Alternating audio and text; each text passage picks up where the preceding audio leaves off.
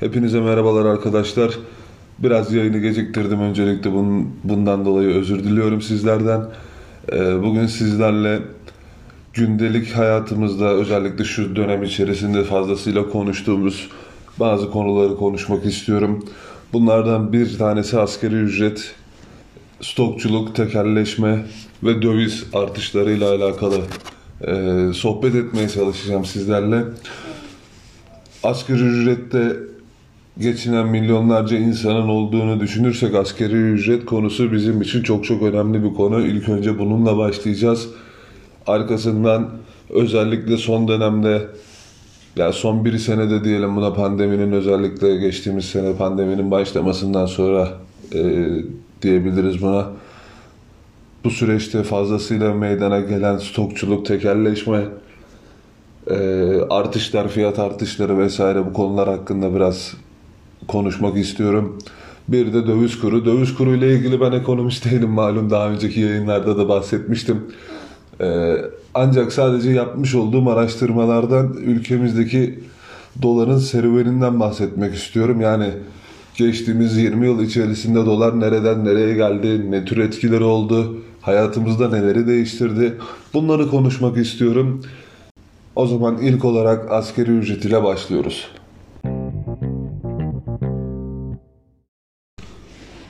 Şimdi günümüzde askeri ücret yasal olarak tanım olarak yasal bakımdan işçilere ödenebilecek en düşük seviyedeki ücrettir. Yani işçinin belirlenen sınırın altında emeğini satamayacağını belirten bir miktardır bu miktar. Bu miktar bizim için ülkemizde her ne kadar e, vasıflı ya da vasıfsız işçilere, çalışanlara ödeniyor olsa dahi e, bu yurt dışında böyle uygulanmıyor. En az alabilecekleri parayı söylüyor. Genellikle de maaşlar bu belirlenmiş olan asgari ücretin üzerinde seyrediyor. Ee, asgari ücrete şöyle bir Çalışma ve Sosyal Güvenlik Bakanlığı'nın sitesinden baktığınız zaman buna görebilirsiniz. 2021 yılı için olan asgari ücretin hesabını sizlere verir o sitede. Şimdi asgari ücretin net hesabı şöyle olur. Asgari ücret 2021 yılı için 3577 lira 50 kuruş. Şimdi arkadaşlar sadece e, bununla kalmıyor. Ancak bundan fazlasıyla kesintiler var. Bunu çalışan arkadaşlarımız bodrolarına baktığı zaman, maaş bodrolarına baktığı zaman görebilir. Onlarda da aynı kesintiler var. Şöyle ki bu 3577 liradan %14 ee, bir SGK primi kesiliyor. O da 500 liraya tekabül eder yaklaşık olarak. Arkasından işsizlik sigorta primi alınır. Bu da 35 lira 78 kuruş. Arkasından gelir vergisi dediğimiz bir vergi var. Ee, bunun dilimleri var. Bu konuda e, çalışan arkadaşlarımız daha vakıftır. Şöyle kısaca özet geçeyim bilmeyen arkadaşlar için. Ya gerçi günümüzde bunu herkes biliyordur. Bilmeme imkanları yok artık hayatımızın her noktasında olduğu için. Ee, çalışan kişilerin maaşından belli miktarlara ulaştıkları zaman belli oranlarda gelir vergisi kesilir. Çoğunlukla da bu zaten %15 ile başlar. Ee, bu kademe kademe artar belli fiyat aralıkları vardır. Askeri ücretten gelir vergisi %15 lira %15'ten gelir vergisi kestiğinizde 188 liraya yakın bir fiyat ortaya çıkıyor. Bundan biri de askeri geçim indirimi var. 268 liraya da 269 lira olması lazımdı. Bu e, bunun içerisinde bir damga vergisi bulunuyor. 27 lira 15 kuruşlu damga vergisi. Toplam kesinti 751 lira 60 kuruşa tekabül ediyor. Net hesaba göre bu Çalışma ve Sosyal Güvenlik Bakanlığı'nın e, açıkladığı hesaba göre. Şimdi 3577 lira yatan askeri ücret çalışanın eline 2825 lira 90 kuruş olarak geçiyor. Yani şu anda ülkemizde ödenecek, ödenen askeri ücret 2825 lira 90 kuruş. Tabii bir de bu askeri ücretin işverenler için maliyeti var. Bir de bu işin işveren boyutu var. Şimdi 3577 liradan hesaplanıyor işverene maliyeti.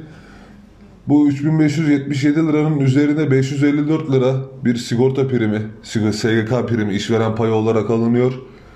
Ee, işveren işsizlik sigorta primi alınıyor. 71 lira 55 kuruş. Yani şu anki asgari ücretin işverene maliyeti de 4203 lira. Şimdi arkadaşlar e, malum 2021 yılının içerisinde fiyatlara gelen bu zamlar e, bu askeri ücret işte kira artışları, elektrik, su, doğalgaza gelen zamlar, akaryakıt vesaire onlara girmiyorum ama temel ihtiyaç ürünlerinde dahi gelen zamlar 2825 lira 90 kuruş ile geçimi çok çok zorlaştırıyor. Bu konuda hepimiz enfikiriz. Şimdi 2022 yılına gireceğimiz için önümüzdeki günlerde askeri ücret görüşmeleri başlayacak. Bu askeri ücret görüşmeleri yanlış bilmiyorsam yaklaşık bir ay kadar sürecek. Ee, bu bir aylık süreçte yetkili sendika yanlış hatırlamıyorsam yine Türk İş'ti. Geçtiğimiz günlerde e, Türk İş, Hak İş ve Disk ortak bir açıklama yaptı. Açıklamada şunu istediler. Biz askeri ücrete yapılacak olan zamda insanların doğal bir şekilde ihtiyaçlarını karşılayabilecek en basit şekilde yararlanabilecek bir seviyeye fiyatı getirilmesini istiyoruz. Asgari ücretin düşük belirlenmesi kabul edilemez. Adaletli ve iyileştirilmeli bir anlaşma yapılmalı tarzında bir konuşması, açıklamaları oldu. Şimdi bu açıklama evet bu açıklama çok güzel bir açıklama. Üç sendikanın yetkili olanlar ve olmayanların dahi birleşip bir açıklama yapması çok çok güzel bir şey. Peki şöyle bir şey var. Şimdi asgari ücret için televizyonlarda konuşuluyor. Diyorlar ki 5000 lira olur mu?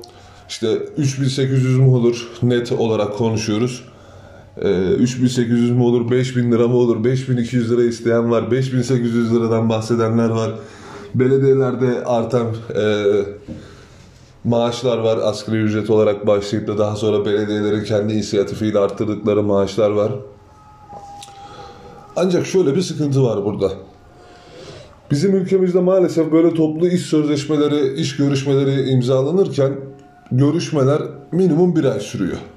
Yani bugün bakanların, milletvekillerinin, e, Cumhurbaşkanımızın, Cumhurbaşkanı danışmanlarının vesairenin, devletin belli kademelerinde çalışan insanların maaşlarının belirlenmesi, iki dudak arasından çıkacak bir cümleye bağlıyken ya da ellerini bir kere havaya kaldırmaları yeterliyken bizim ülkemizde yaklaşık 13 milyona yakın 13 milyon kadar kişi asgari ücretle geçiniyor.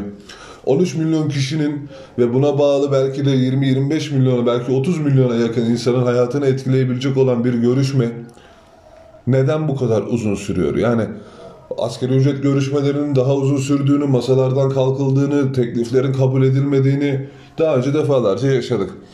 Yani bu görüşmeler e, ne kadar verimli oluyor ya da bugünün e, sendikaları gerçekten bu görüşmeleri yaparken şunu sormak istiyorum. Gerçekten bu görüşmeleri yaparken işçinin hakkını gözeterek yapabiliyor mu?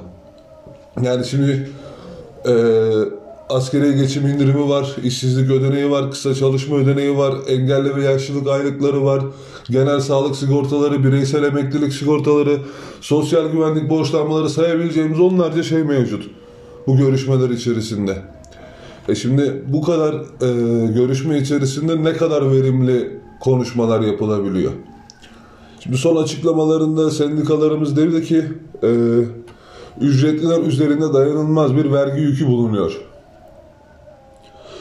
Yani bu bugün sadece askeri ücret babında değil, bunu bütün e, çalışanlar için söyleyebiliriz. Yani bir e, vergi, özellikle gelir vergisi konusunda çok fazla bir vergi kesintisi var. E, bu vergi kesintisi çözülebilecek mi? Mesela ben bunu şahsen çok isterim. Özellikle askeri ücretliden, askeri ücretlinin vergi diliminin %15'te sabitlenmesini isterim. Yani zaten kişiye verdiğimiz ee, çalışana verdiğimiz para 2800 lira. Bu 2800 lirayı biz bu adam e, Haziran ayında işte sayıları hatırlamıyorum yani hatırladığım kadarıyla söyleyeceğim. Haziran ayında bu adam e, 30 bin lira aldı diye biz bu adamdan %20 vergi kesiyoruz. Tem işte Haziran, Eylül ayında yüzde 20 e, vergi kesiyoruz. Zaten bu adam alışverişi içerisinde ailelerimiz alışverişi içerisinde vergisini vesairesini çok çok fazlasıyla ödüyor. Zaten fiyat artışları çok fazla ülkemizde. Neden ekstradan vergi alımı sadece askeri ücretli de var? Yani bu askeri ücretli üzerindeki vergi indirimi olabilecek mi? Görüşmelerde bunu sağlayabilecek misiniz?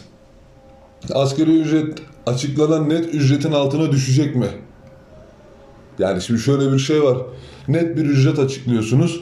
Bu ücret için diyorsunuz ki bizim işçiye ödeyeceğimiz, işçiye ödenecek olan askeri ücret misalen söylüyorum 3500 liradır. Ama bu 3500 liradan %15 vergiyi kesiyoruz. İşte e, işsizlik sigorta primi kesiyoruz, onu kesiyoruz, bunu kesiyoruz. Adama yine 3000 lira kalıyor. Dolayısıyla sen bunu eğer sendikalar olarak bunu sağlayabilecek misin? Önemli olan şey bu. Yani askeri geçim indirimi örneğin farklı bir konu. Askeri geçim indirimi işçinin medeni durumuna göre ay, ekstradan ilave ediliyor mu? Edilmiyor mu? İş, iş yerlerinde siz bu görüşmeyi yaptıktan sonra diyelim ki bugün sendikalar ve hükümet oturdular. Dediler ki askeri ücret 3800 lira. Bu 3800 lira Agi dahil mi olacak, hariç mi olacak? Bakın 300 lira çok çok önemli bir para. Ya bu günümüz şartlarında 300 lira çok önemli bir para. Çünkü e, 300 lirayla belki de bir haftalık alışverişini çıkartabilirsin. Bir ihtiyacını karşılayabilirsin. Yani bu e, askeri geçim indirimi medeni duruma göre belirleniyor. Çocuk, eş, eşin çalışma durumu, çocukların okul durumu vesairesi. Ama ben daha önce kendi iş hayatımda da gördüğüm AGİ'yi, askeri geçim indirimini askeri ücrete dahil olarak veriyorlar. Yani şimdi madem öyle işçinin hakkı değil mi AGİ'yi maaşının haricinde alabilmek? Bu sağlanabilecek mi? Bu damga vergisi uygulaması yani damga vergisi uygulaması şöyle söyleyeyim. Damga vergisinde e, yüzde 0,75 birlik bir damga vergisi var. E, 27 lira 15 kuruşa falan tekabül ediyor bu da. Bunu kaldırabilecek mi? Çünkü damga vergisi ben sana maaş veriyorum. Bodrunu hazırladım. E, işsizlik sigorta primin yattı. Sigorta primin yattı. Ben buna bir mühür bastım. Hadi bana para öde. Yani askeri ücretlinin sırtından gerçekten bunları kaldırabilecek miyiz? Çünkü asgari ücretle geçinen bir insana şöyle bir bakarsak bakın. Bugün evinin kirada olduğunu düşünelim. Çok basit bir hesap. Yani şu anda e, 2825 lira aldığını düş söylersek şu an için konuşuyorum. Ve diyelim ki bu arkadaş, bu işçi abimiz, kardeşimiz 1000 lira ele, 1000 lira kiraya veriyor. Arkasından işte diyelim ki hadi çok çok minimumda tutuyorum yani ben bunu hani e, o sokak röportajlarındaki dayılar gibi falan yapmak istemiyorum ama olmayacağını bilerek diyelim ki hadi e, 800 lirada ev, ev için alışveriş yaptı.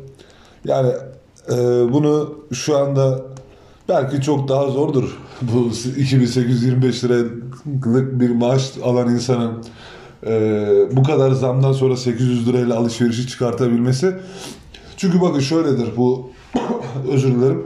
Ee, bu konunun neden böyle söylediğimi de söyleyeyim. Bir kişinin ücreti, maaşı, geliri ne kadar artarsa gideri de aynı oranda artar.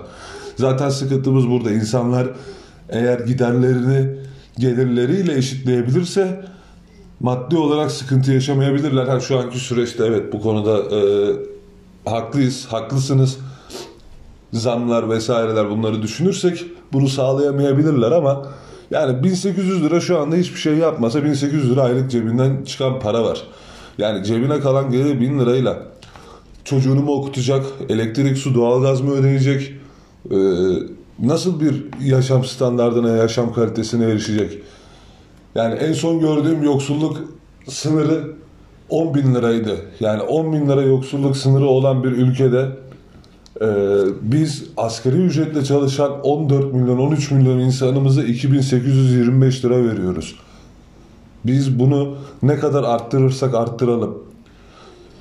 Yani e, isterseniz bugün asgari ücreti 5000 lira yapalım. Yetkili sendika olan Türk İş'in açıklamış olduğu asker minimum yoksulluk sınırının yine altında kalıyor asgari ücret. Yani demek ki burada zaten tek düzeltilmesi gereken şey asgari ücret değil. Buradaki başka sorunlarımız var. Bizim başka sorunları çözmek için konuşmamız gerekiyor. sendikanın, sendikaların bunları hesaplarken kendi açıklamış oldukları açlık sınırına ve yoksulluk sınırına göre de bir düzenleme yapmaları gerekiyor. Eğer bunu yapabilirlerse gerçekten çok başarılı bir iş çıkartmış olacaklarına inanıyorum. Bir de şöyle bir durum var. Şimdi normal şartlarda biz hep askeri ücret zammı belirlendikten sonra Ocak-Şubat aylarında işte Ocak ayında aralığın son 28'i 27'si belki yanlış hatırlıyorumdur tarihi askeri ücret fiyatı açıklanırdı. Bu askeri ücret fiyat artışından daha sonra işte bir sonraki yılın Ocak-Şubat aylarında piyasadaki ürünlere zam gelmeye başlardı. Şimdi malum durumlardan dolayı bugün fazlasıyla zaten gıda ve tüketim ürünlerine zam gelmiş bulunuyor. Normal şartlarda askeri ücretten sonra Ocak-Şubat aylarında gelen zammı daha fazlasını o dönemlerde mesela ben şöyle söyleyeyim 2021 Ocak-Şubat ayında yapılmış olan zamlardan daha fazlasını Haziran Kasım arasında zaten yaptılar. Peki Ocak ayından sonra askeri ücret arttı diye tekrar bir zam alacak mıyız? Ben kesinlikle inanıyorum her şey yine zamlanacak. Diyecekler ki bu sefer askeri ücret kaç para oldu? E, askeri ücrete göre zam yapıyorsun. Dolar artıyor, dolara göre zam yapılıyor. Ee, işte döviz kıtlığı yaşanıyor, döviz döviz kıtlığı yaşanıyor diye sen zam yapıyorsun. Bundan öncesi öncesi süreçlerde e, pandemi vardı. Ben mal getirtiremiyorum diye zam yapıyordun. Şimdi böyle de bir sıkıntımız var. Zaten bir sonraki konumuzda ikinci bölümümüzde bununla alakalı olacak stokçuluk ve tekelleşme. Ana konuya dön dönersek askeri ücreti gerçekten yaşam standartları çerçevesine çekebilecekler mi? Bunu başarabilirlerse bunu başaran sendika, bunu başaran yetkili, bunu başaran hükümet başarılıdır. Ancak açıklanan verilerin altında asgari ücret alıp asgari ücretle çalışan insana bugün vergi dilimlerinin altında askeri geçim indirimi, sigorta parası, cardı cürdü vesaire bir, bir ton kesintinin altında ezdirirsen başarısızsındır. Bunun bir de işveren boyutu var. Muhakkak ki o da e, işinin ehli olanların değerlendirebileceği bir konu. Onlar için de şu anda hani e, başında söyledim, yayının başında söyledim. 2825 lira olan net askeri ücretin işverene toplam maliyeti 4203 lira.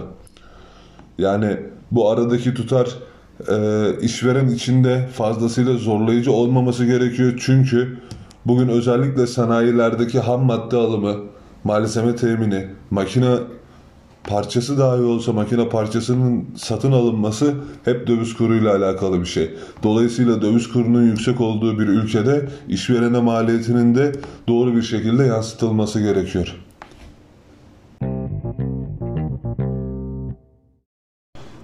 Bir de bu asgari ücret artışı, arkasından gelen ürünlere zamlar, e, döviz kuru vesaire bu konulardaki zamlar Bundan ziyade piyasada bugün çok fazla karşılaştığımız stokçuluk ve tekelleşme sıkıntımız mevcut. Ülke için konuşuyoruz. Ee, bu ülkemizdeki bu sıkıntıda şöyle bir durum var. İlk önce şuna bir bakmamız lazım. Şimdi stokçuluk ve tekelleşme var ancak ülkemizdeki üretimde de bir o kadar aslında düşüş var. Ben bunu gıda ürünleri olarak konuşuyorum. Sanayi olarak çok çok yüksek miktarlarda üretime, ithalat ve ihracata sahip olabiliriz ama gıda boyutunu konuşmamız gerekiyor. Stokçuluk ve tekelleşmeyi konuşmadan önce. Şimdi e, önümde benim bir istatistik açık. Bu yayını yaparken bir yandan arkadan bunu açmıştım. Bunu sizlerle paylaşmak istiyorum. Bu önümdeki grafikte gıda fiyatlarındaki değişim bulunuyor. Eylül 2021 için geçerli, Eylül ayı için geçerli. Şimdi ekmek, un, bulgur ve makarna grubunda bir önceki aya göre %9,2 artış var. Aralık 2020'ye göre %21,3'lük bir artış var. Bu yüzdelik zam oranının 12 aylık ortalaması %23. Et balık keza aynı şekilde. Et balık grubunda %12 aylık ortalamadan bahsediyorum. %17,8'lik bir artış var. Yağ, yağdan bahsedersek yağda şöyle bir durum var. Aralık 2020, Eylül 2021'e göre baktığımız zaman Yağda %24'lük bir artış. Yıllık oranda bakarsak %48,2'lik bir artışımız mevcut. Yani şimdi bu e, bir de bakliyat örneği var bu konunun. Bu konuda işte bakliyatta da aynı sıkıntı var. Bir önceki aya göre bakliyat %5,4, Aralık 2020'ye göre %14,9, yıllık oranda bakliyatın artışı %32,4. Şimdi arkadaşlar evet bu konuda e, toptancıların, büyük marketlerin ya da ada her neyse artık o kişilerin, kurumların, firmaların bu konuda bir sorumluluğu bulunuyor. Ancak bir de şöyle bir durum, durumumuz mevcut maalesef ülkemizde. Üretimimiz düşüyor. Yani gıda fiyatlarındaki artışı durduramamızın bir nedeni de bu ürünlerin üretim aşamasındaki sıkıntılar. Yani hasat zamanında ürünlerimiz çıkmıyor, hasat edilemiyor. Kuraklığımız mevcut. Bakın bu konuyu daha geniş çerçevede konuşalım. Ee, kırsalda durum çok sıkıntılı. Çünkü kırsalda artık genç nüfus kalmadı. Oradaki çalışan nüfusumuz yaşlanıyor. Yani tarla ekmek, ekin kaldırmak, ekinle uğraşmak, meyve sebze ekmek e, bunlarla uğraşılmıyor. Genç nüfus, bunlarla uğraşan genç nüfus azaldı. Onlarla uğraşan nüfus da yaşlanmaya başladı. Bu yüzden orada yaşlanan nüfus, çiftçilerimiz daha kolay ekilip daha kolay hasat edilen ürünleri tercih ediyorlar. Bunun e, en büyük nedeni belki yanlış tarım politikaları olabilir evet. E, çiftçi burada para kazanamıyor. Rekabet edemiyor. Rekabet edemediği için de adam üretimi bırakıyor. Yani e, çiftçi hesapladığı zaman kendi masraflarıyla satış fiyatları birbirini tutmuyor, karşılamıyor. Yani bu bir sarmala döndü, bu bir döngü haline döndü. Artık bu döngünün çözülmesi lazım. Alım garantisi olan ürünlerde devlet ve e, özel firmalar tarafından alım garantisi verilen ürünlerde çiftçinin daha çok üretime yönlendiği bir e, durum var. Burada da bir demek ki sıkıntı var. Yani alım garantisi olmayan devlet tarafından ya da firmalar tarafından alımı garanti edilmemiş olan ürünlerde ekim ekmesi zorlaşıyor. İnsanlar bu ekinleri ekmiyorlar. Burada bir de e, kuraklık maalesef bizim için büyük bir sorun. Özellikle Güneydoğu ve İç, Ege, İç Anadolu'da da bu böyle. E, tarım olan alanları fazlasıyla kayboldu. Sulama kaynaklarımız fazlasıyla kayboldu. E, bunun hem en büyük nedenlerinden biri kuraklık, en büyük nedenlerinden biri de bilinçsiz kullanma. Yani dolayısıyla bu konuda fiyatların artışında da böyle bir sıkıntı ortaya çıkartıyor. Şimdi ben e, kendi arkadaşlarım var, çiftçilikle uğraşan akrabalarım var, ailemden tanıdıklarım var. Kendileriyle konuştuğum zaman hep şöyle bir cevap alıyorum. Mesela en, en son Antalya'da yazın e, Antalya'da bir arkadaşımla konuşmuştum. Kendisi bana şöyle demişti. Biz domatesi buradan 75 kuruşa satıyoruz. Ankara'da markete geldiğinde, İstanbul'da markete geldiğinde o domatesin fiyatı 6 lira, 7 lira, 8 lirayı buluyor. Bunun en büyük nedenlerinden bir tanesi bakın e, arada bir toptancımız var bizim. Şimdi bu toptancı gidiyor. Çiftçiyle pazarlığını yapıyor. Çiftçiden ürünü alıyor. Sonra bu ürünü kamyonlara yüklüyor. Bu kamyon için bir kamyona bir ücret veriyor Antalya'dan Ankara'ya, İstanbul'a, İzmir'e getirebilmek için. Bir fiyat anlaşıyor. Burada mazotun fiyatı var, e, işte kamyonun ücreti var vesairesi var. Burada bir miktar bir ödeme yapılıyor. Arkasından toptancı alıyor bunu büyük şehirlerde hallere getiriyor. Hallerde marketlere ya da e, pazarcılara bu ürünü tekrar satıyor. Burada kamyoncu kamyondan ettiği zararı veriyor. Çiftçiden aldığı miktara göre kendine kar koyuyor. Kamyoncudan kamyoncuya ödediği, taşımaya ödediği paraya bir miktar kar koyuyor. Bir de üstüne kar koyuyor markete, pazara, manava satıyor. E doğal olarak marketteki, pazardaki, manavdaki arkadaşlar da, çoğurdaki insanlar da kendileri para kazanabilmek için çıkıp onlar da bir kar koyuyorlar ortaya. Bu fiyat artışları böyle. Daha önce e, geçtiğimiz yıllarda çok uzak bir dönem değil bunu hatırlayabilirsiniz. Tanzim satış noktaları falan kurulmuştu. Şu an hala devam ediyor mu? Ben çok o dönemde e, ortaya çıktığı gibi görmüyorum ama e, önüne geçilemedi. Çiftçiyi, tarımla uğraşan insanları, tarım aletlerini, mazotu, çiftçinin aldığı mazotu daha uygun hale getirip onları daha fazla teşvik etmemiz gerekiyor. Yani e, insanlar ektikleri ürünlere harcadıkları parayı satarken kazanmaları lazım. Bunu kazanamazsa o adam çiftçiliği yapmaz. Bu çok basit bir mantık yani. Bunun için e, çok çok yüksek lisans yapıp doktora bitirmeye falan gerek yok. Bu çok basit bir sistem. Burada doktora bitirenlerin, devletin kurumlarında olan insanların yapması gereken şey bu insanların zararlarını minimuma indirebilmektir. Çiftçiye mazotu daha uyguna verebilmektir. Tarım aletlerinde, traktörde, e, diğer kullanılan aletlerde, makinalarda satış teşvik edilmelidir. Bunları teşvik etmezsek bizde zaten üretim sıkıntısı doğar. Üretim sıkıntısı doğarsa üretim sıkıntısı doğarsa stokçuluk başlar. Stokçuluk başlamasının bir nedeni üretimin az olmasıdır. Bir nedeni de maalesef maalesef bunu açık ve net bir şekilde söylüyorum. Stokçuluk için stok yapabilmek için, piyasaya mal sürmemek için, daha fazla para kazanabilmek için namussuzluk yapan arkadaşlar var. Bunu açık ve net de söylüyorum. Yani bu namussuzluk, bu e, namus kavramı artık sosyologlar onu tartışır, bu tartışılır. Bu benim gözümde namussuzluktur. Şimdi stokçuluk ve tekelleşme dedik konuya. Ee, ancak şöyle de bir durum var. Şimdi stokçuluk neden yapılıyor? Birincisi eğer malzemenin üretimi yoksa, malzeme üretimi eğer arkadan fazlasıyla gelmeyecekse, arkadan gelen üretim yoksa kişi stokçuluk yapıyor. Bir de ikinci büyük nedenimiz bu toptancılar ya da artık e, marketler, firmalar adı her neyse bu arkadaşlar, bu kişiler daha fazla para kazanabilmek umuduyla malı bilerek piyasadan çekiyorlar. Şimdi bunun yapıldığı bir toplumda bazı sıkıntılar ortaya çıkar.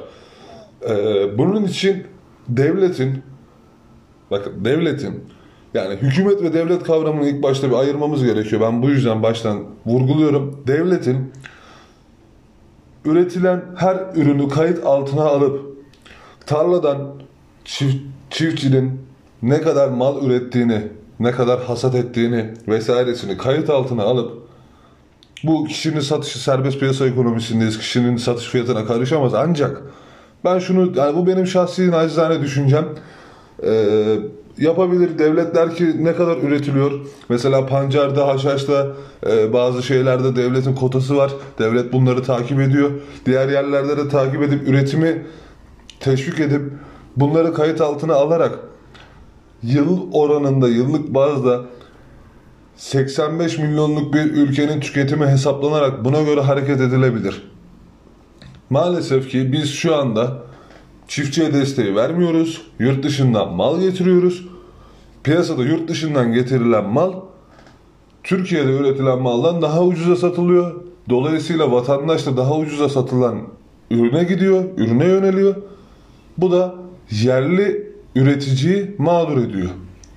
Bu çok basit bir kavram. Az önce de bahsettim. Devlet bunu kontrol altına alabilir. İkinci bir konu tekelleşme. Ee, tekelleşmeden ba şimdi geçtiğimiz günlerde 5 büyük market hakkında bir e, dava açıldı, bir şey oldu, inceleme başlatıldı haklarında. Bu sadece 5 büyük marketle ya da 10 büyük marketle ya da 10 büyük firma, 10 büyük holdingle alakalı bir durum değil. Bakın adını vermeyeceğim, sektörden de bahsetmeyeceğim. Ee, ancak bir firma, A firması e, B ürününü satıyor. B ürününü satmaya başladığı ilk yıllarda diyelim ki buna 2009-2010'lu yıllar. 2009-2010'lu yıllardan sonra B ürünüyle alakalı üretim yapan, paketleme yapan her yeri satın almışlar.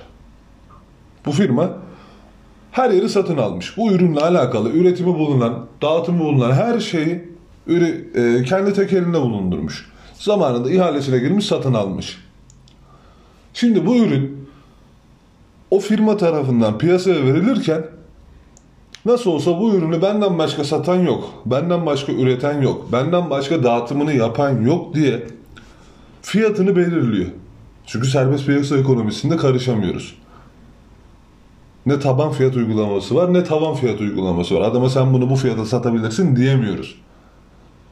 E şimdi bu firma bunu yapmış. E peki bu firma bunu yaparken bu firmanın yasal olarak hakkı bu yanlış bir şey ama demek ki bu zamanında yapılabilmiş bir şey. Peki bu firma bunu yaparken bir tane devlet görevlisi, bir tane televizyoncu, bir tane e, ünlü spikerlerden ne bileyim adı her ne olursa olsun kendini topluma duyurabilecek kişiler o dönemde çıkıp neden bu konu hakkında şikayette bulunmadı? Yani neden biz bu ürünleri sadece bu firmadan satın alıyoruz? Bu firmayı neden sadece bu firma bu ihaleleri alıyor diye sormadı. Yani bunu sormadığınız sürece zamanında bugün çıkıp eleştiriyorlar. Ben e, daha öncesinde bu yayına başlamadan önce televizyon programında izliyorum. E, televizyonda bu eleştiriliyor. Niye bu firmanın tek elinde bu deniliyor? Ancak hiç kimse o firma o ihaleleri alırken çıkıp konuşmadı. Neden bu firma bu ihaleleri alıyor? Niye sadece bu firma bu ürünün üretimini yapabiliyor, diğerleri yapamıyor? E çünkü yeni üretici de giremez zaten o e, ürünün üretilme aşamasına. Niye? Çünkü zaten tek bir firma var. Bu firma istediği gibi o sektörde at koşturuyor, fiyatı belirliyor, satışı belirliyor, e, üretimi belirliyor. Her şeye vakıf, her şeye sahip. Dolayısıyla yeni yatırımcı o sektöre girmiyor. Çünkü adam para kazanamayacak. Yani bugün bunu eleştirirken neden hiç kimse o gün onu sormadı. Niye tekele döndü bu demedi. E, e, marketlerde evet gerçekten bir sorunumuz var. Yani e, şöyle söyleyeyim. Aynı marketin iki şubesinden birbirinden farklı fiyatla ürün alıyoruz. Yani marketler bu konuda evet çok sıkıntılı. Marketlerin de bir sıkıntısı mevcut. E, toptancıların bir sıkıntısı mevcut. E, büyük marketlerin toplum üzerinde yapmış olduğu açıklamalar ile sebep olduğu spekülasyonlar da var. Yani biz şu ürüne ulaşamıyoruz diye meydana çıkıp ancak o üründen ben mesela örnek vereyim. Yani yine ürünün adını vermeyeyim. Ee, Z ürününden çok çok ünlü bir firma, market firması çıktı. Dedi ki bizleri bu ürünleri satın alamıyoruz. Bu ürün piyasada yok. Bize satılmıyor. Ya da daha öncesinde ihaleyle satılmış. Daha sonrasında bu ürünü üreten, Z ürününü üreten firmalar ve devlet, devlet de bu ürünü üretiyor. Çıktı dedi ki bizim satılmayan ürünlerimiz de mevcut. Bugüne kadar siz bize bu konu hakkında herhangi bir başvuru yapmadınız. Sonradan ortaya çıktı, aradan fiyata zam geldi. Demek ki o zaman şunu anlıyorum ben burada. Ben de şunu soruyorum. Büyük marketin elinde Z ürünü vardı. Z ürününe zam gelebilme ihtimaliyle daha ucuza alma ümidiyle devleti ve üreticiyi zan altında bıraktı, toplum önünde zan altında bıraktı ve bunun için kar elde etmeye çalıştı. E sonrasında ben aynı markete gittiğim zaman o üründen fazlasıyla raflarında olduğunu gördüm ama zamdan sonra çıkarttı. Zamdan bir gün önce ürünüm yok diye alıyorsun. O gece ürüne zam geliyor. Ertesi gece sen raflarına o ürünü diziyorsun. Demek ki burada marketlerde de bir sıkıntı var. Marketler piyasada spekülasyona sebep oluyor mu olmuyor mu? Yani bunları da sormamız gerekiyor. Bunları da konuşmamız gerekiyor. Ee, bir sonraki birazdan bahsedeceğiz bir sonraki bölümümüzde diyelim birazdan bahsedeceğiz. Dövizin de buna nedenleri var, etkenleri var. Bu konuda da hemfikiriz, kabul ediyoruz. Yani bunu artık inkar edemeyiz ülkemizdeki durumda. Bununla ilgili çalışmalar yapacak olan halk değil. Bununla ilgili çalışmalar bazı şeylere katı suretle inatlaşarak çözülebilecek şeyler değil. Bunu çözebilmek için çiftçiyle de konuşulması gerekiyor, toptancıyla da konuşulması gerekiyor, taşımacılık yapan firmalarla da konuşulması gerekiyor, e, haldeki vatandaşla da haldeki e, insanlarla da konuşulması gerekiyor, pazardaki esnafla da konuşulması gerekiyor. En önemlisi vatandaşla konuşulması gerekiyor.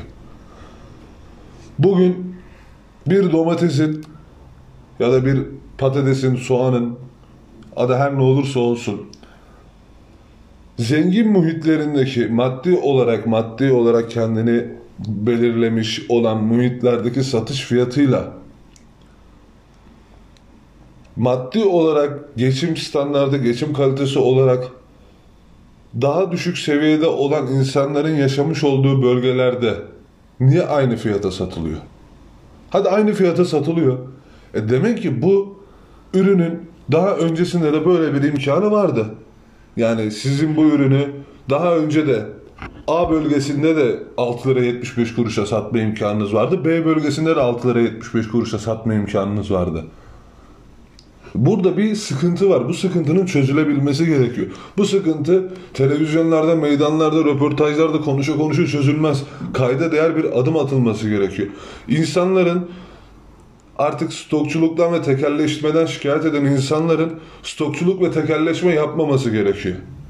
Ya televizyonda adam arkasına ürünü almış. Yani röportaj yapıyorlar akşam haberlerinde. Televizyonda bakıyorum arkasında ürünleri satın almış. Toptancı bu arkadaşımız. Ürün diyor çok pahalandı. Evet. Ürün yok elimizde. Ve arkada bulunuyor ürün. Yani bunu bir kameranın çektiği anda yapıyor insanlarımız. Ya bu toplumun bir sıkıntısı. Toplumun kendi içerisindeki şeyleri de çözmesi gerekiyor. Bunların da çözülmesi gerekiyor. Ee, bu konuda maalesef kesin ve şu yapılmalı diyemiyorum çünkü çok fazla e, nokta bulunuyor. Çok fazla görüşülmesi gereken, fikir alınması gereken insanlar bulunuyor. E, devletin ve tarımsal faaliyetleri yöneten, marketleri denetleyen, işte bu rekabet kurulu olabilir neyse adı artık her neyse. E, rekabete daha fazla önem verilmesi gerekiyor. Tabi marketlerinde kendine göre e, doğru ve haklı olduğu yanlar mevcut. Ancak haksız olduğu yanları da unutmamamız gerekiyor. Bir yerde bir yanlış yapılırken sorunun sadece tek bir kişi ya da tek bir alan çerçevesinde değerlendirilmemesi gerekiyor. Maalesef ülkemizde stokçuluk, tekelleşme e, ve spekülasyonlar bu konuda gıda konusunda bahsediyoruz. Hani gıda konusunda spekülasyonlar devam edecek gibi gözüküyor. Ben ne yalan söyleyeyim benim bu konu hakkında şahsi bir çözümüm sadece bu konunun e, erbapları hakkında erbaplarıyla görüşülerek ortak paydada buluşulmayla çözülebileceğine inanıyorum. E, ama bu süreç içerisinde nasıl ilerler, ne olur, döviz kuru vesaire artışlar, tarıma teşvikler ne olur bilemediğim için çok da bir şey söyleyemiyorum bu konu hakkında.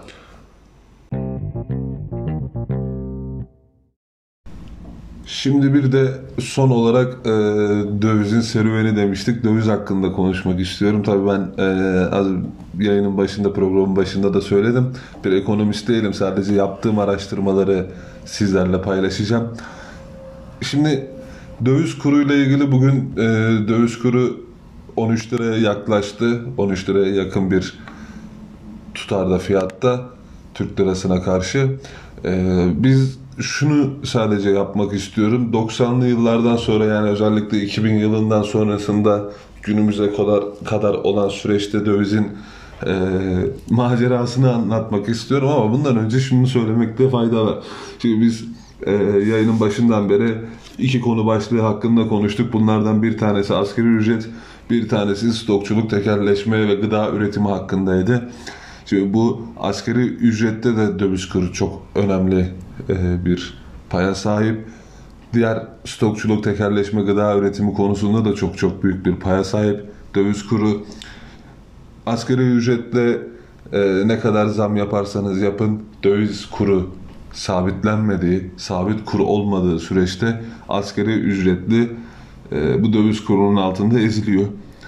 E, biz ne kadar üretim yaparsak yapalım ham madde, tohum, e, üretim araçları, üretim gereçleri çoğunluğunu döviz üzerinden ülkemize sağladığımız için bu konularda da sıkıntımız var. Yani bugün hayatımızın her noktasında yayında işte programımızın yayınımızın başında söylediğimiz gibi bu iki konu içerisinde de dövizin çok çok önemli yeri var. Şimdi e, 30 yaş diyelim 40 yaş üzerindeki vatandaşlarımızın çok çok fazlasıyla söylediği bir e, argümandır bu dövizin öncesindeki düşüklüğü vesairesi dış güçlerin oyunu, dış mihrakların oyunu vesaire. Şimdi şöyle bir başlangıç yapalım bakın arkadaşlar. 1994 yılında TL dolar karşısında yaklaşık %160'ın üzerinde değer kaybediyor 94'lü yıllarda. 2099 yılı 2000 yılı içerisinde biz enflasyonumuz o kadar yükseliyor ki IMF ile bir anlaşma yapıyoruz. IMF'ye diyoruz ki faizleri ve kuru sabit tutacağız. Siz de bize yardımda bulunun. İşte ülkeye döviz tutuyoruz vesaire. Ekonomi konusunda IMF'den destek alıyoruz. Ee, bu süreçlerde faizler ve döviz kuru çok çok yüksek. Ekonomik olarak sıkıntılar mevcut ülkede. 2001'de yaşı dinleyenler, e, işte dinleyip yaşı yetenler özür diliyorum. Dinleyip yaşı yetenler muhakkak hatırlayacaklardır. Diğer e, genç kuşaklarda e, daha önce internette vesairede karşılaştığı, karşılaşmıştır muhakkak bunda. 2001'de o dönemin Cumhurbaşkanı Ahmet Necdet Sezer Bülent Ecevit'e anayasa kitabı, kitapçığı fırlatıyor. Şimdi bu anayasa kitapçığı fırlatıldıktan sonra Ecevit'te yanlış hatırlamıyorsam bu bir devlet krizidir vesaire tarzında açıklamaları var. Bu olaydan sonra piyasadan müthiş bir dolar çekiliyor. Bankaların o gece faizleri 5000 ile 7500 aralığına falan çıkıyor. Yani çok çok yüksek faizler var. Ülkede dolar bir anda yok. Bunun üzerine Merkez Bankası IMF ile yapmış olduğu az önce bahsettim sabit kur ve sabit faiz anlaşmasından bir anda ayrılıyor. Dolar o dönemlerde işte paramızda 6-0 var. 1.2 milyon TL'ye kadar yükseliyor. Ee, çok çok büyük bir sıkıntı arkadaşlar. Yani şu anki kadar hemen hemen büyük bir sıkıntı ortaya çıkıyor. Arkasından Kasım 2002'de bir seçim yapılıyor. Seçimde Adalet ve Kalkınma Partisi iktidara geliyor. Adalet ve Kalkınma Partisi'nin iktidara gelmesiyle bakın ben e, ilk yayınımda da bundan bahsetmiştim. ilk programımda da bundan bahsetmiştim. Demiştim ki Adalet ve Kalkınma Partisi 2002'de iktidara ilk geldiğinde o kadar güzel ekonomik reformlar ile geldi ki çok müthiş bir ferahlama, refahlama, ferah artışı, refah e, seviyesinin yükselmesi, ekonomik olarak bolluk bereketlik dönemine girildi. Ya bunun en büyük nedenlerinden bir tanesi katı bütçe disiplini sağladı. Ee, ekonomi gerçekten fazlasıyla büyüdü. Enflasyon tek haneli rakamlara kadar indi. Ee, o dönemde de dövizde müthiş bir düşüş yaşandı. Çünkü tek parti iktidarının sağlamış olduğu güvenden kaynaklı yabancı yatırımcı ülkeye giriş yapmaya başladı. Ee, şimdi arkasından 2004'te yani 2005 yılının başında 31 Aralık 2020 e, 2004'te hükümet dedi ki biz paradan 6-0 atıyoruz. Yeni para birimine geçiyoruz.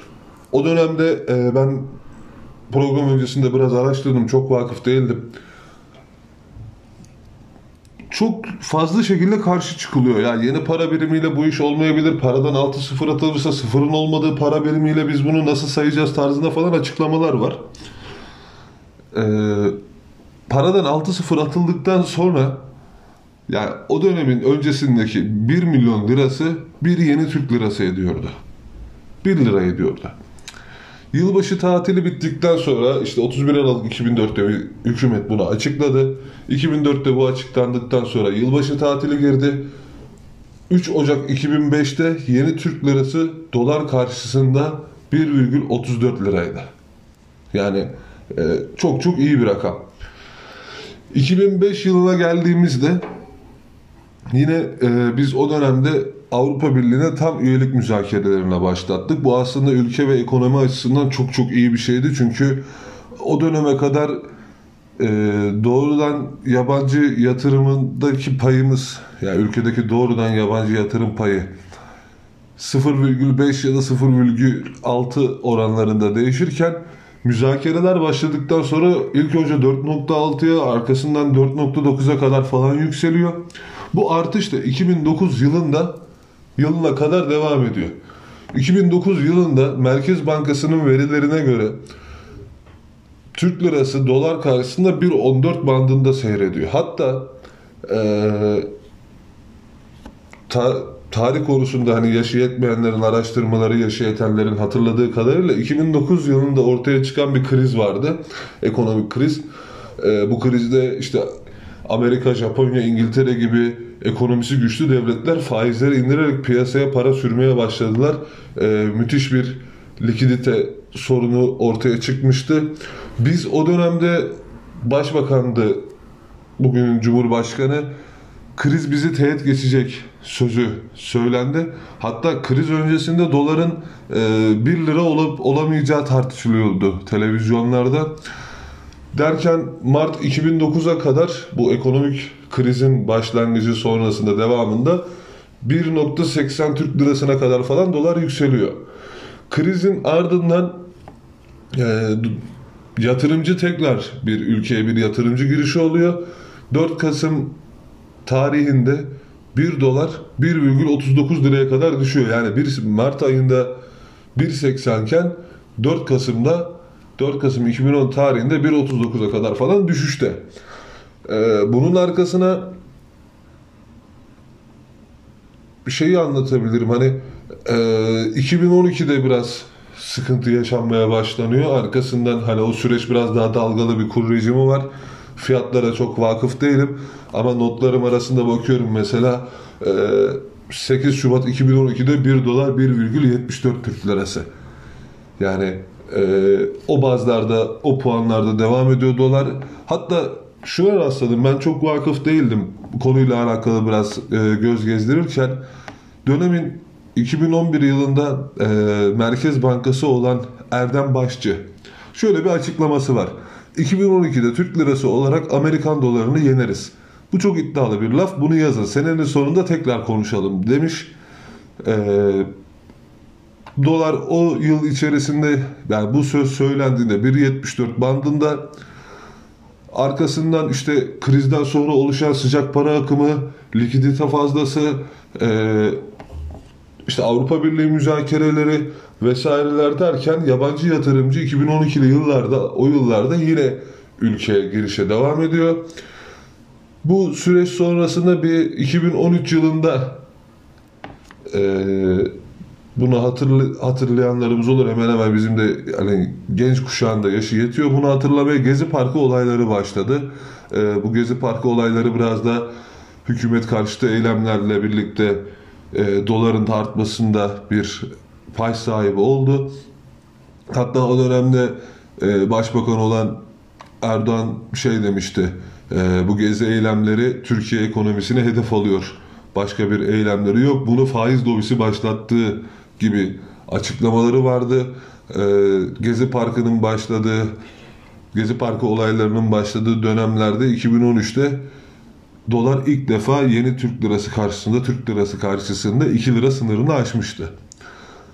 Arkasından böyle yükselişe de yükselişe devam ettiği süreçte 17-25 Aralık operasyonları var. Ee, bu operasyonlar hakkında ben fazla değinmek istemiyorum ancak o dönemde de şöyle bahsedeyim. Ee, 2.37, 2.40, 2.45 bandına kadar yükseliyor. 7 Haziran 2015'te yapılan bir seçimimiz var. Ee, seçimin öncesi ve sonrasında siyasette gerilim hatırlar mısınız bilmiyorum. Aşırı derecede yüksekti. Ee, işte Diyarbakır'da HDP mitingine yönelik bir bombalı saldırı vardı. Ee, bunu işit üstlenmişti. Dil çok ağırdı. Siyasilerin dili birbirlerine karşı çok ağır ve sertti. Arkasından e, seçimde 2002'den beri tek başına iktidar olan Adalet ve Kalkınma Partisi çoğunluğu, meclisteki çoğunluğu kaybetmiş, koalisyon hükümet ihtimali doğmuş ama meclise girebilen partilerin hiçbiri Adalet ve Kalkınma Partisi ile koalisyon yapmak istemedi. Ee, 2015 Ağustos'unda dolar bu kez 3 liraya kadar falan yükseldi. Hükümetin kurulmaması üstüne erken seçim kararı alındı. 2015 yılında 1 e, Kasım 2015'te tekrar bir seçim süreci var. Seçim yapıldı. Bir arada yine bir seçim sürecimiz var. E, o arada Suruç'ta Kobani olayları vesaire onlar yaşandı. İşit tarafından bir saldırı düzenlendi. 22 Temmuz'da 22 Temmuz 2015'te Şanlıurfa'da Ceylanpınar'daydı yanlış hatırlamıyorsam. Ee, evlerinde iki polis memuru başlarından örgüt tarafından vurularak şehit edildi. Bunun arkasına da 2009'da temeli atılan çözüm süreci rafa kalktı. Ee, arkasında bir Dağlıca operasyonu vesaire vardı. Ondan sonra e, terör hendek operasyonları vesaireler başladı. Bu süreçte dolar 3 lira, 3,5 lira bandında falan ilerlemeye devam etti. 3.5'ü görmedi yanlış hatırlamıyorsam hani ama 3.40 3.49 bandına kadar falan yükselmişti. Ee, 2016 yılına geldiğimizde özellikle 2016'da yaşanan darbe girişimi sonrasında da kurda aşırı derecede yükselme meydana geldi. Ee, darbe girişimi sonrasında 2016'nın Aralık ayında doların 3.55 bandında gezdiğini görüyoruz. Hani bunlar Merkez Bankası sitesinden sizin de ulaşabileceğiniz veriler. 2017 yılını biz 3 lira 4 lira bandında kapatıyoruz. Hemen hemen o bantta geziyor. Ee, Cumhurbaşkanlığı seçimi var 2018 yılında. Cumhurbaşkanlığı ve genel seçimler var. Orada ilk kez biz 2017 yılında kapatırken yani 3-4 lira bandında kapatırken 2018 yılında yapılan seçimden sonra 5 liraya geçiyor dolar. Bundan sonrasında e, faiz arttırımına gitmiştik. Ekonomik dengelerde biraz sıkıntı olmuştu. Hatta ve hatta o dönemde yanlış hatırlamıyorsam e, yıllar sonra ilk defa %20'nin üzerine enflasyon çıkmıştı. Mayıs 2019'da 1 dolar 6.24, Kasım 2020'de 1 dolar 8 lira 58 kuruş, 21 Ekim 2021'de 1 dolar 9 lira 47 kuruş. 18 Kasım 2021 1 dolar 11 lira 25 kuruş. 23 Kasım 2021 dolar 13.5'da tarihi zirvesini gördü. Şu anda e, dolar kurunun ne kadar olduğu konusunda maalesef tam anlık veriye ulaşamıyorum. Hemen onu da biraz sonra paylaşayım sizlerle. Yani böyle bir doların serüveni var. Şu an anlık olarak 13,07 bir Amerikan doları şu anda ülkemizde. Şimdi doların bizim için ülke e, etkilerinden bahsetmemiz gerekirse doların hani böyle bir yükseliş, düşüş, enflasyon vesaire faizler gibi etkenleri var. Bunlar ekonomistlerin konusu. Ekonomistler bunu tartışabilir. Ben sıradan bir vatandaş olarak, bir genç olarak benim hayatımdaki etkilerinden basitçe e, bahsetmek istiyorum. Bu hepimizin hemen hemen hayatında aynı etkilere sahip döviz kuru bizim hayatımız üzerinde. Şimdi örneğin e, az önce bahsettik. Dedik ki işte gıda artışı vesaire, ürün, e, malzeme temini bunlarda bir artışımız mevcut. Teknolojik ürünlerde artışımız mevcut. Mazotta, motorinde, benzinde artışımız mevcut. E, faiz indirimi enflasyona neden oluyor. Enflasyon karşısında bizim e, maddi imkanlarımız azalıyor. Bu konunun bir an önce çözülme ulaşabilecek en güzel seçeneğini araştırmak gerekiyor. Ancak e, az önce de dediğim gibi bunu ekonomistler kendileri artık tartışıp önerilerini yapar, konuşurlar. Hükümet kendi çerçevesinde kendisine yakın ekonomistlerle görüşebilir. Ama ben şunu söyleyebiliyorum. Bugün bakın e, ben dolar 13 lirayken bugün işte e, euro 14-15 lira bandındayken benden hiç kimse e, neden yurt dışındaki gençleri yaşıyor yurt dışındaki gençler gibi olamıyorsun demeyi bekleyemez. Şimdi bu dediğim şeyin ilk programımda bahsettiğim şeyle çeliştiğini biliyorum. Ancak şöyle demek istiyorum size. Ee, döviz kuru ne kadar düşük olursa benim teknolojiye erişimim o kadar yüksek olur. Evet. Döviz kuru ne kadar düşük olursa benim sağlıklı bir birey olarak yaşam standartlarımı arttırmam o kadar daha kolay olur. Evet. Ben bunu istiyorum. Benim benim için bunu sağlamalarını talep ediyorum. Ben e, gençlerimizin teknolojiye ve bilgiye bu kadar basit bir şekilde, bilgiye bu kadar basit bir şekilde ulaşabildiği bir dönemde teknolojiden bu kadar geri kalmalarını istemiyorum. Yani e, evet imkanlar dahilinde zamanında yapılmış alışverişler sayesinde belki bugün cep telefonlarımız, bilgisayarlarımız vesairelerimiz mevcut. Ancak bu konuda da e, Bu vergi alımı olabilir. Mesela bundan bahsettiğim şey e, vergilendirmelerdeki düşüşlük olabilir. Çünkü döviz de ülkeye giriyor. Ülkeye döviz de girince zaten bu ürünler fiyatları yeterince fazla oluyor. Bir de biz bundan vergi ödüyoruz. Buna fazlasıyla vergi ödüyoruz. Yani bu programın başında bahsettiğimiz gibi askeri ücretliye zaten adam alışverişinde vesairesinde hayatının her noktasında vergisini ödüyor. Bir de adamın maaşından vergi alıyoruz. E ben e, teknolojik bir ürüne ulaşmak istiyorum. Bir kendimi geliştirmek için daha fazla belki geliştirebilmek için bir şeye ihtiyacım var. Ama e, hem dolardan dolar üzerinden bu ürünü satın alıp hem de vergi ödediğim zaman burada bir bir karmaşa çıkıyor, bir sorun çıkıyor. E, yani benim bunu çözebilmem lazım. Benim çözmenizi istediğim şey aslında bu. Çözülmesini istediğim şey aslında bu. İlk programda dediğim şeyin hala arkasındayım. Ben hala gençlerimizin bu konulardan kaynaklı hevessizliğini ve isteksizliğini bu kadar çok kolaya ulaşmanın e, kolaycılığının hala karşısındayım. Hala bunlardan şikayetçiyim. Belki ilerleyen günlerde, ilerleyen bölümlerde e, bu konu hakkında tekrar konuşuruz. Ama şu anda e, biz şu konuda hem fikiriz döviz kurunun geleceğimiz için çözülmesi. Benim e, bir de şöyle bir anekdot aktarayım. Geçtiğimiz günlerde benden yaşça ufak bugünün Z kuşağı içerisinde bulunan bir kardeşimle yaptığım sohbette bana şeyden bahsetti. Abi ben ne kadar işte çalışırsam çalışayım, ne kadar kendimi geliştirirsem geliştireyim düzenin değişmeyeceğine inanıyorum. Ben başarılı olamayacağıma benim önümün bir şekilde kesileceğini düşünüyorum dedi. Bu e, konu hakkında ben aynı düşüncede değilim. Yani bu siyasi olayları bir kenara bırakırsak, işin siyasi boyutlarını bir kenara bırakırsak bizlerin ilk önce kendilerine kendimize karşı olan sorumluluğumuzu yerine getirmemiz gerekiyor. Biz e, hemen CEO olamayız. Hemen genel müdür olamayız. Hemen e, futbolcu, sporcu vesaire bilim adamı bir anda çat diye olamayız. Bizlerin bunun mücadelesini vermemiz gerekiyor. Bu süreç içerisinde de ilerleyen yıllarda e, kendi kararlarımızı kendimiz alacağız. Bunların sorumluluğu tamamen bize ait olacak. Bugünün gençlerinin unutmaması gereken en büyük konulardan bir tanesi bu. Bugün eğer bu döviz kurundan, ekonomik şartlardan, enflasyondan şikayetçiysek ki bunu bizzat yaşadım. Ee, bazen yeri geliyor ben de yapıyorum. Eğer bizden önceki kuşakları bugünkü ekonomik sıkıntılardan dolayı suçluyorsak bizden sonra gelecek olan kuşakların bize ekonomik olarak e, suçlamaması gerekecek bir dönemde onlara yaratmamız gerekiyor. Bizim onu başarmamız gerekiyor.